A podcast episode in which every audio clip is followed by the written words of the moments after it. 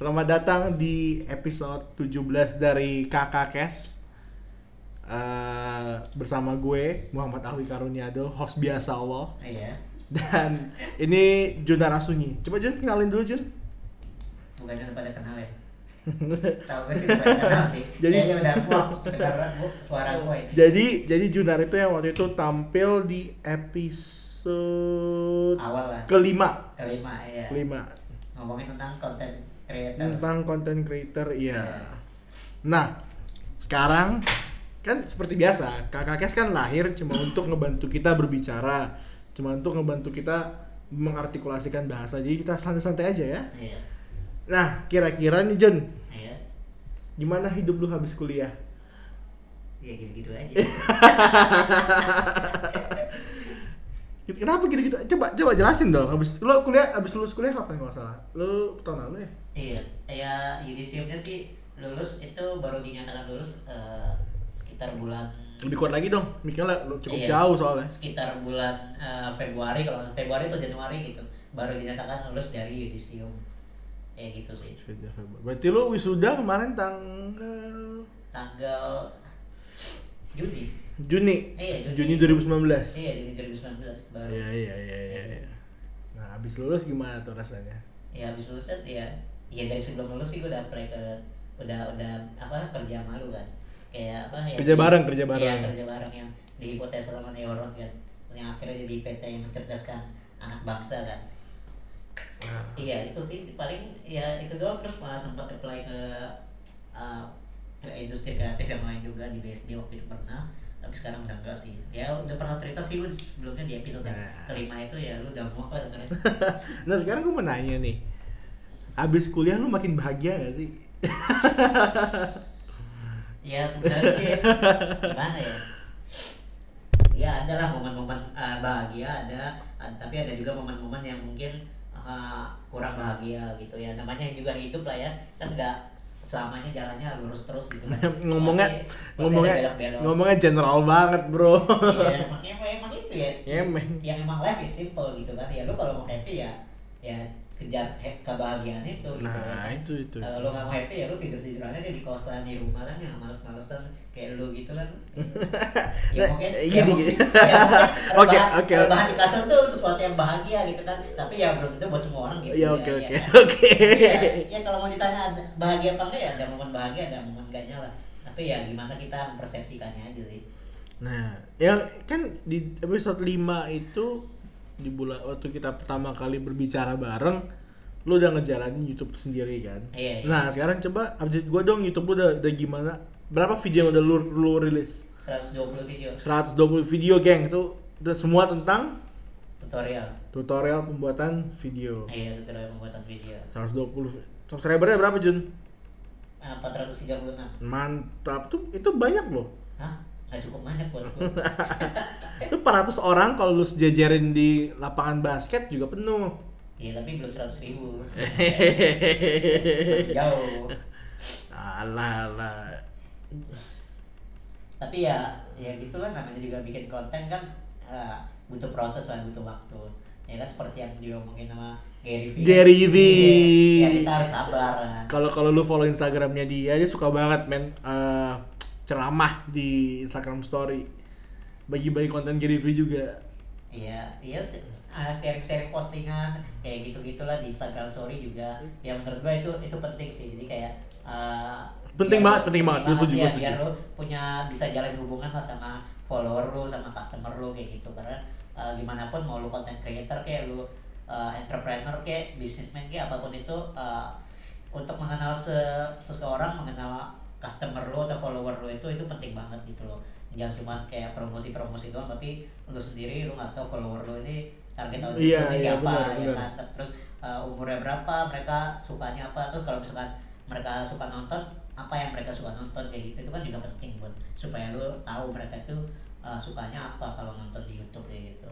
Nah, lu lu selain di YouTube aktif juga nggak sih bisa di LinkedIn, di Twitter. Ah, di LinkedIn sekarang gue udah Gua- mulai, gua- udah mulai ya. aktif sih Di LinkedIn aktif banget nih. ya udah mulai aktif ya dari yang sebelumnya karena uh, gue awalnya gue juga sempat meremehkan sih kayak sosial media apaan sih kayak toxic banget cuma uh, isinya cuma orang-orang sharing tentang pengalaman mereka jalan-jalan misalnya keluar negeri atau keluar kota kayak misal misal misalkan kayak apa influencer influencer gitu yang followernya udah sepuluh ribu atau bahkan seratus ribu atau bahkan udah jutaan itu kan rata-rata ya isinya cuman kayak uh, gue lagi keluar negeri ya kan kayak nyoba makanan ini restoran elit yang ini yang ini itu kan rata-rata orang bilang aduh lu kayaknya enak banget sih hidupnya bisa ke mana-mana ya kan. Padahal sebenarnya ya bisa aja itu ya job mereka gitu loh. Mungkin aja job mereka tuh seperti itu gitu. Jadi kita juga sebenarnya ya kalau dibilang sosial media itu toxic ya enggak juga karena kita sendiri yang nggak ngerti gitu loh uh, apa yang di share di sosial media itu tujuannya buat apa gitu kan akhirnya ya gue uh, menyadari di sosial media itu penting banget buat menjalin hubungan lu sama follower lu sama customer lu gitu loh itu juga berguna banget sih di bisnis dan di content creation gitu Jadi Twitter, uh, ya Twitter LinkedIn. juga LinkedIn uh, terus YouTube, Instagram dan Instagram. Instagram dan YouTube kayak gitu Cuma gua gua cek LinkedIn lu connectionnya masih 200 orang deh. Iya kan baru mulai sabar pak Enggak, lo harus kalau kalau di LinkedIn ya, lo harus coba aktif connect semua orang. Semuanya aja lo connect. Iya. Iya, bukan cuma ya kalau koneksi mungkin gua nggak semuanya, tapi uh, beberapa gue juga udah mulai engage gitu kayak jadi gue terlibat apa yang di post sama orang misalkan gue suka oh ini orang ada uh, posting soal misalkan uh, entrepreneurship atau content creation atau misalkan gimana jadi uh, better CEO misalkan. Nah itu kalau misalkan menurut gue itu sesuatu yang tertarik dan gue bisa gue ngerti itu yang mereka ngomongin apa, biasanya gue ikut terlibat kayak gitu. Jadi kayak uh, oh cara jadi CEO yang lebih baik tuh kayak gitu dan gue ngerti cara jadi CEO yang baik gimana sesuai dengan pengetahuan dan pengalaman gue biasanya gue ikut terlibat juga kayak gitu Hmm. jadi ya itu sih jadi nggak cuma posting doang tapi juga ikut terlibat gitu loh ikut terlibatnya juga nggak spam juga jadi benar-benar Hmm. uh, terlibatnya aktif karena gue tertarik juga kayak gitu dan gue ngerti Nah, nah yang gue pengen yang tadi gue pengen tekanin juga di LinkedIn harusnya lu coba aktif nih kayak gini. Iya. Connect connect aja nih. Hmm. Connect, connect, connect, connect. Karena kalau enggak nggak bakal tumbuh dong itu apa namanya? oh iya Oh iya, iya, iya gue baru gue baru tahu juga itu itu maksudnya gue gue belum ngelakuin sih kayak kalau yang connect-connect ke orang-orang Karena eh, di LinkedIn itu tumbuhnya cukup cukup cepat loh. Lu, karena semua orang di LinkedIn cenderung ingin connect ke orang lain. iya Jadi kalau misalnya udah lu semakin banyak connection, Iya. semakin banyak juga connection apa invitation yang lu terima dari orang. Jadi kayak Oh. lama-lama tumbuh, lama-lama tumbuh. iya Kayak di pengalaman gue ya awalnya connection gue tuh cuma seribu, ya kan? Iya. Karena gue aktif banget tuh satu hari gue Iya. eh, eh, at 30 orang. iya Tapi setelah seribu banyak connectionnya masuk juga, jadi lama-lama sekarang udah empat ribu men, oh empat ribu tujuh ratus. Jadi kalau kita connect ke orang lain itu juga bisa memancing orang connect ke kita. Iya iya, karena kita Oh. aktif berarti kan. Oke oke. itu itu nggak bantu banget jadi ntar Iya. kalau misalnya connection lu udah ribuan lu udah lu bisa ngeliat tuh statistiknya di Iya. post yang lu bikin berapa banyak orang lihat berapa banyak orang yang engage Iya. itu cukup cukup cukup ini apa cukup Cukup besar lah. cukup, cukup besar lah cukup Iya. besar ya. dan lu bisa ngeliat juga kalau pelan pelan ya kalau kayak teman gue dia sering tuh connect ke semua orang Iya. tapi waktu dia milih-milih teman dia pilihnya recruiter Hmm. karena biasa kalau recruiter atau headhunter Hah? bakal kasih tawaran kerja kan Iya. jadi teman gue itu bisa dengan bisa dengan eh, bisa lebih enak untuk pindah kerja karena udah ada tawaran dari LinkedIn, Iya, dari, iya. melalui LinkedIn, melalui Iya, LinkedIn. Tapi ke orang-orangnya juga harus ke orang-orang yang benar-benar sesuai dengan eh, apa target kita juga lah ya. Kalau Iya, gue kan? nggak sih, Oh kalau lu enggak. gue semua gue masukin kan, Oh, semua lu gue connect. oke. Tapi kalau teman itu sesuai target dia kan. Kalau dia, kalau dia hajarnya semua headhunter sama recruiter. Oh, Oke. Terserah jalan lu yang mana. Kalau kalau gue sih jalan gue kan karena gue pengen banyak connection aja. Oke. Iya sih. Tergantung lah ya. Tergantung. Nah. Kayak Gary Vee aja connectionnya banyak banget kan. Padahal gue nggak yakin dia tahu semuanya secara personal orang-orang tersebut gitu. Iya. Gary Vaynerchuk.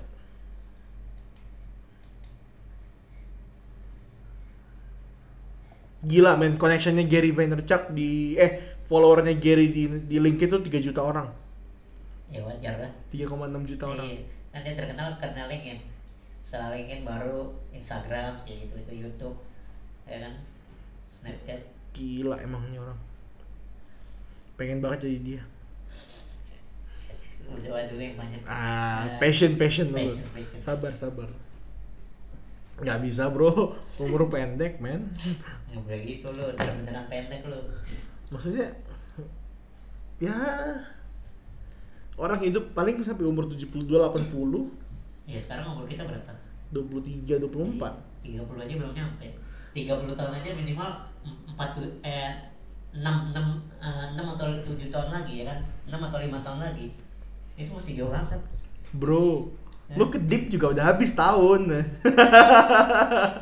Wah. inilah inilah yang gue yang gua gua setuju sama Gary V kenapa gue setuju sama dia? Karena banyak banget orang yang mikir kayak aduh gue udah umur 28 tahun gue udah umur uh, 25 tahun gue udah umur 30 tahun tapi gue nggak sukses-sukses. Sedangkan yang datang ke gue ada umur 78 tahun misalkan atau nggak usah ngomong 78 tahun deh. Anggaplah cuma 62 tahun misalkan datang. Aduh nggak aduh gue eh enggak dia nggak mengeluh. Udah 60 tahun nih dia nggak mengeluh tapi dia bilang gue baru aja resign dari uh, kantor gue dan gue mau bikin bisnis yang baru dan yang bakal launching uh, paling cepat 10 tahun lagi.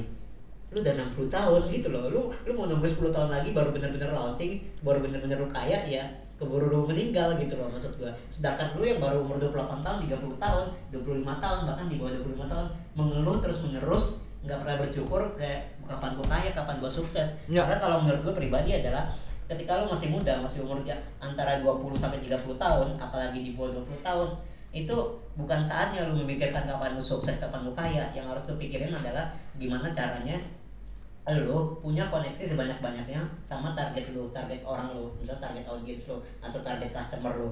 Dan yang paling penting adalah lu cari pengalaman sebanyak-banyaknya gitu loh. Kalau lu baru fresh graduate atau lu baru pernah kerja sekali selama setahun, setahun itu tuh sebentar banget gitu loh buat buat pengalaman kerja tuh kayak kayak lu ya sama aja kayak fresh graduate gitu loh. Mungkin lu merasa oh gue udah punya pengalaman satu tahun, oke lu punya pengalaman satu tahun.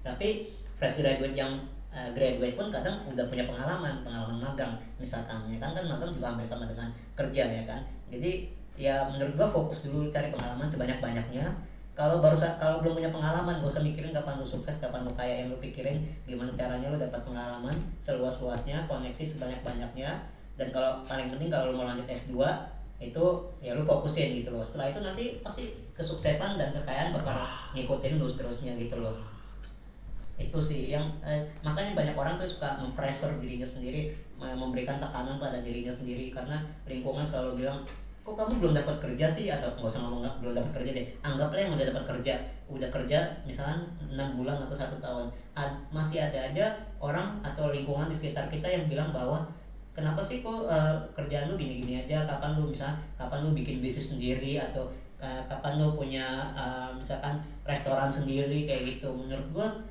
ya boleh aja lu mikir kayak gitu tapi lu masih muda gitu loh. Bukan itu bukan bukan bukan itu saatnya yang lu pikirin gitu loh. Yang harus lu pikirin adalah gimana caranya gue bisa dapat pengalaman di tempat kerja gue sekarang. Gimana hubungan gue dengan rekan-rekan kerja gue di kantor ataupun di startup yang lain kayak gitu. Itu loh yang harus difokusin. Jadi kalau kita terlalu sendiri pun terlalu menekankan diri kita kita terlalu memberi tuntutan yang berat kepada diri kita sendiri akhirnya nanti ya kita stres sendiri gitu loh. Makanya kan banyak eh, para remaja yang baru umur 25 tahun bahkan di bawah 25 tahun 28 tahun 30 tahun stres depresi. Ujung-ujungnya apa? Bunuh diri. Ya kan? Ken- kenapa? Karena lingkungan gitu loh. Nah, tapi bukan berarti kita bisa nyalain lingkungan juga. Tetap it- itu salah kita sendiri. Kenapa? Karena kita mendengarkan apa kata lingkungan gitu loh. Ya kita ya kita lingkungan ya lingkungan gitu loh. Itu itu udah beda beda dunia lah beda kepribadian gitu loh ibaratnya. Jadi ya kita juga harus ngerti lah ya kit- emang benar kata Gary V manusia tuh nggak punya hubungan yang baik dengan waktu gitu loh. Kita harus bisa membangun eh, hubungan yang baik dengan waktu. Kenapa kita nggak nggak punya hubungan yang baik dengan waktu? Karena kita tuh peduli sama apa kata sama apa kata orang. Kok lu nggak kaya kaya sih? Si B aja udah kaya padahal umurnya baru 18 tahun. Lu udah umur 24 tahun lu nggak kaya kaya terus terus kenapa kalau gue belum kaya tapi gue udah umur 24 tahun? Kan tujuan tujuan hidup gue sama tujuan hidup dia beda gitu kan. Dia pengen jadi entrepreneur di bidang media. Gue pengen jadi content creator. Walaupun misalnya sama-sama pengen jadi entrepreneur dia di bidang media gue pengen di bidang di, di bidang food and beverage misalkan. Itu kan udah beda gitu loh. Jadi kita pun harus ngerti tujuan kita beda-beda dan kemampuan kita pun beda-beda gitu loh. Kenapa? Gila.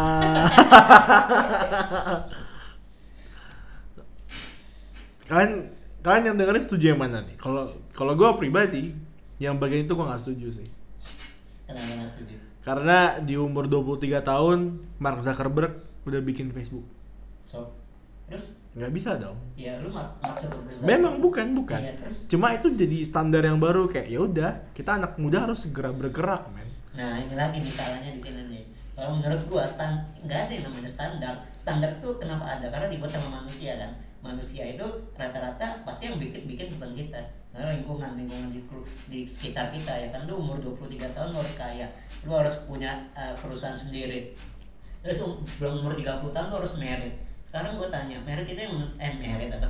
Uh, jodoh itu yang menentukan adalah Tuhan ya kan manusia berusaha yang menentukan ya Tuhan gitu loh ya kan jadi kalau misalnya sampai umur 30 tahun amit-amit nih ya lu nggak lu belum dapat uh, jodoh misalnya belum dapat cewek yang lu yang sesuai yang cocok dengan lu masa lu maksa lu kenal uh, orang lain Nah. sehari dua hari langsung merit Nah. kan yang ada lu hancur uh, kehidupan rumah tangga lu gitu kan itu loh jadi yang nggak ada salahnya emang kenapa kalau yang umur 25 tahun udah merit gue yang umur 30 tahun belum merit gitu kan Nah itu.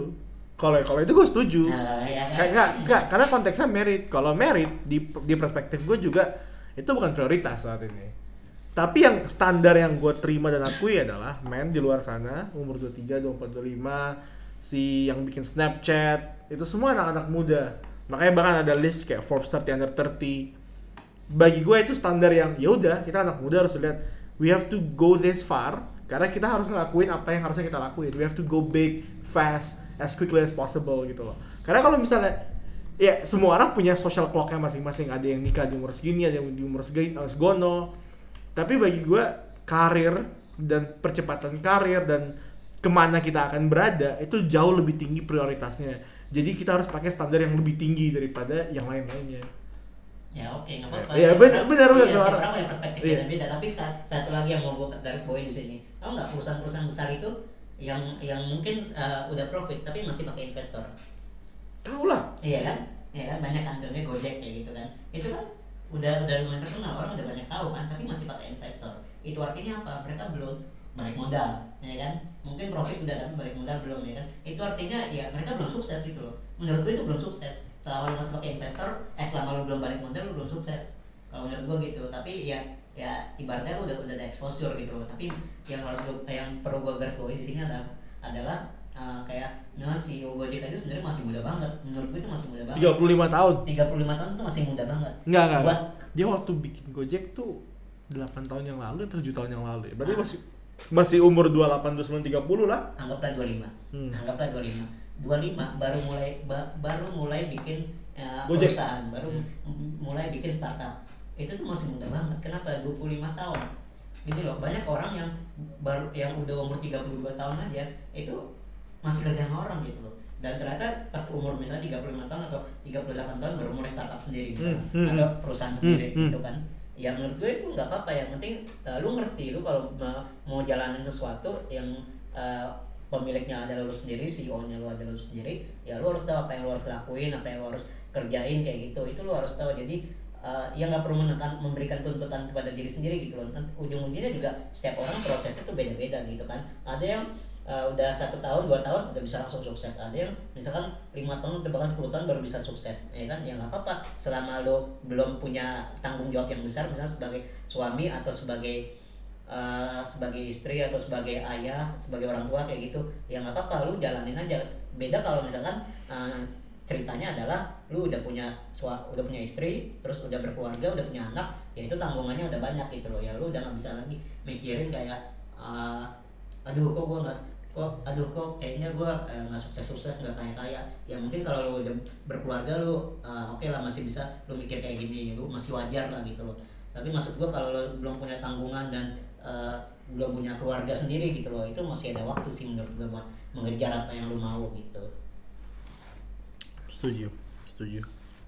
Jadi pada pendengar ketahuan kan kedua perspektif yang sangat berbeda ini kan. iya Tapi eh, tapi yang gue setuju yang bagian merit. Waduh men, merit adalah hal yang berbeda dari karir. iya Kalau lu bikin perusahaan dan perusahaannya gagal, ya udah gagal. Hmm. Lu lu lu pakai rencana kegagalan lu dengan bangga. Gua gagal bikin ini, it's fine. Gue belajar banyak, gue bikin perusahaan baru. Tapi kalau merit dan gagal, oh, merit gagal tuh maksudnya gimana cerai cerai itu susah banget man. Iya. ya kan? Iya. Jadi kalau di karir belajar sebanyak-banyaknya dengan kegagalan tapi kalau di di pernikahan milih satu orang itu susah banget. Iya makanya kalau mau itu tuh makanya kalau mau pisah jangan pas sudah married pas masih pacaran. Masih pacaran. Iya karena jauh jauh lebih mudah hidup lu kalau lu pisahnya pas lu masih pacaran Iya. dibanding pas lu udah married. Kalau lu udah married lu cerai itu sama aja kayak kiamat sih. Hmm. iya. Kan, kan buat anak iya buat betul. Kan- apalagi kalau lu udah punya anak gitu. Loh anak lu mau ikut siapa? Mau ikut papa emaknya ngomel cemburu. Mau ikut emak bapaknya ngomel cemburu. Jadi Cemburu- serba cemburu banget, Iya, apalagi iya. kalau kayak gue, Iya, gue sayang. jadi ya serba salah Iya. gitu loh. Jadi ya pastikan eh, lu berpikir matang-matang sebelum lu married gitu. Nah, ini ini ini kalau masalah merit ya, yang gue herannya eh, umumnya merit itu atau pernikahan dianggap sebagai titik akhir. Padahal Mm. waktu lu nikah di situ baru ketahuan yang sebenarnya Iya, itu sebenarnya. Itu kehidupan baru itu, itu bukan titik akhir, itu, Iya, itu bukan justru- end goal, iya, enggak. justru itu kehidupan baru Iya iya. gitu kan. Lu tinggal sama dia, lu ngeliatin sikapnya segala Iya, macem. iya. Tapi kalau karir ya udah, lu exit ya exit aja gitu. Iya, exit ya perusahaan tinggal cari karyawan baru. Iya. Iya, kalau lu exit masa istri lu mau cari suami baru Nah. kan repot itu sama dia cerai. Nah, Iya kan, cari selingkuh eh maaf. itu, itu jangan ya, jangan jangan. Nah, oke, kita kita 20 menit nih, 20 menit.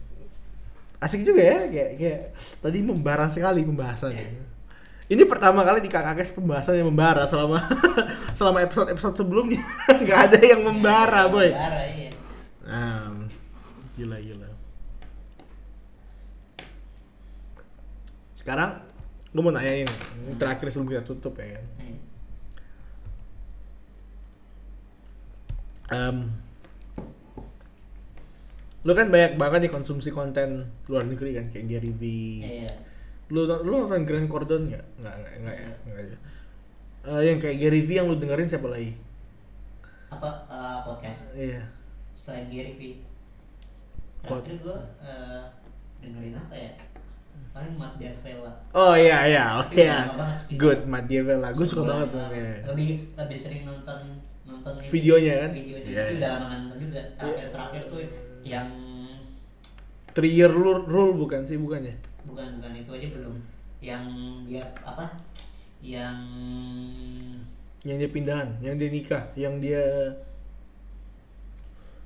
pokoknya masak pakai telur terus ini apa dia kameranya dari atas terus yang eh, oh tentang mental health dia Oh, Iya, right, iya, right, yang right, itu, right, yang iya, itu. iya. kalau nggak salah yang itu udah lama banget sih Nah, yang um, kayak dia kan orangnya peduli banget kan sama iya, iya. gitu Dan dia hidupnya sangat minimalis iya kan? dia hidup sangat minimalis dia terkenal karena minimalis ya sih Iya. Nah, Gue pengen jadi kayak gitu juga. Nah, saya, sekarang yang, yang pengen gue tanya nih, um,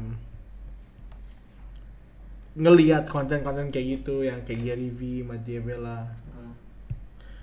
eh, apa yang paling lu pelajari dari mereka? gimana ya kalau secara general susah sih sebenarnya karena tiap content creator pun kontennya beda kan kalau Gary Vee kan lebih uh, fokus ke uh, entrepreneurship sama uh, life kan. Ag- agresif banget kan, dia agresif banget. agresif banget. Kalau Matt, Matt D'Avella itu lebih ke uh, content creation sama uh, mental health kan. Ya sama minimalis satu uh, tiga itu kan. Banyak sih sebenarnya content creator yang lain tapi uh, paling kalau secara general uh, content creator di luar negeri itu uh, udah jauh berkembang banget sih. Nah, semakin jauh lebih berkembang dibanding uh, awal-awal gue liat video videonya si uh, Gary Vee sama Matt D'Avella itu pas gue awal-awal kuliah itu uh, nggak awal kuliah sih pertengahan kuliah itu semakin lama mereka videonya semakin lebih Bagus, bagus iya, iya. bagusnya bukan Ja- dalam bagusnya itu bukan dalam arti dia high definition atau peralatan dia uh, mahal yang elit bukan tapi konten yang dia kasih itu apa pesan yang dia sampaikan itu di video dan di podcast mereka itu makin lama makin makin ada value-nya, value-nya itu makin tinggi gitu loh. Jadi uh, mereka pun jadinya lebih lebih bisa pastikan kalau uh, apa yang mereka sampaikan itu bisa memberikan banyak manfaat buat orang lain kayak gitu. Itu sih jadi uh, yang lebih bikin high definition itu bukan bukan kualitas gambar videonya tapi atau ya, sinematografinya. atau sinematografinya tapi kualitas dari uh, pesan yang dia sampaikan Benar, kayak benar. gitu. Jadi uh, beda sih kalau sama Iya. yang sama yang di Indonesia kan kalau yang di Indonesia kan uh, kalau yang di Indonesia itu kan lebih fokusnya ke yang prank-prank gitu yang lucu-lucu ya kan? Kayak uh, apa uh, misalkan tiga tipe anak kos misalkan kayak gitu gitu yang lucu-lucu atau yang prank-prank yang settingan segala macam. Yang yang gitu. sangat gampang dicerna kan? Yang sangat gampang dicerna yang yang bikin orang ketawa lah sebenarnya. Ya itu Iya, iya. ya itu sebenarnya nggak ada salahnya juga sih. Tapi maksud gua eh, kalau di Indonesia itu secara edukasi itu rendah banget. Channel edukasi di di Indonesia itu masih sangat sangat sedikit sekali kalaupun ada ya kualitasnya nggak bakal bisa ngalahin luar negeri sih. Belum bisa mengalahkan luar negeri gitu loh. Mungkin suatu saat bisa at least kita setara dulu nggak usah sampai ngalahin mereka dulu. At least kita bisa setara dulu untuk bisa nyampe setara dengan kualitas konten mereka. Itu tuh susahnya bukan main gitu loh. Dan konten creator yang bergerak di bidang edukasi itu benar-benar bisa dihitung pakai jari tangan jari kedua tangan kita doang gitu loh. Bahkan nggak nyampe nggak nyampe 20 jari tangan dan kaki kan gitu loh. Dan sedikit banget yang benar-benar fokus ke bidang edukasi gitu. Loh rata-rata fokusnya ke bidang entertainment yang bikin orang ketawa-ketawa prank segala macam Iya, gitu iya. jadi ya edukasi sih Indonesia sih masih kurang banget sih masih rendah banget kalau menurut gua. Bener sih. Coba coba. Di pikiran gua aja yang buat edukasi tuh kita hitung ya. Kok bisa? Paling gede. Kalau bisa? Ya. Neuron hipotesa. Ya ayo mikir. Asumsi opini pinter Bahkan- politik. iya, iya. Bahkan gue nggak banyak tahu paling opini kok bisa eh iya hipotesa neuron. Paling paling sering nonton sih gue kok bisa sih. Ini baru tujuh loh ini baru tujuh Iya, loh. baru tujuh. Dari Kayak- 270 juta 200 200 juta lebih iya. rakyat di Indonesia ini baru tujuh doang. Eh, apa? Ya aku lihat konten-konten creator yang Oh. bikin bikin tutorial kayak Iya, iya. Kayak gitu itu juga ter- termasuk edukasi sih. Downnet sama teman-temannya yang banyak kayak gitu iya Eh, itu doang kan bikin itu, iya, iya. gitu aja ya ya. Kalau di luar negeri banyak banget ada banyak banget ada kursus gesak, iya ada vok, aduh parah men, parah. Iya, iya parah. Ya ya ya. Ya udah, sekian dari Kakak Kes. Ini episode paling membara kita. Em, thank you udah dengerin. Ya udah sih gitu aja sih. Bye bro. Kakak Kes. Tombol spotnya mana? Mana? Kursor gua mana coy?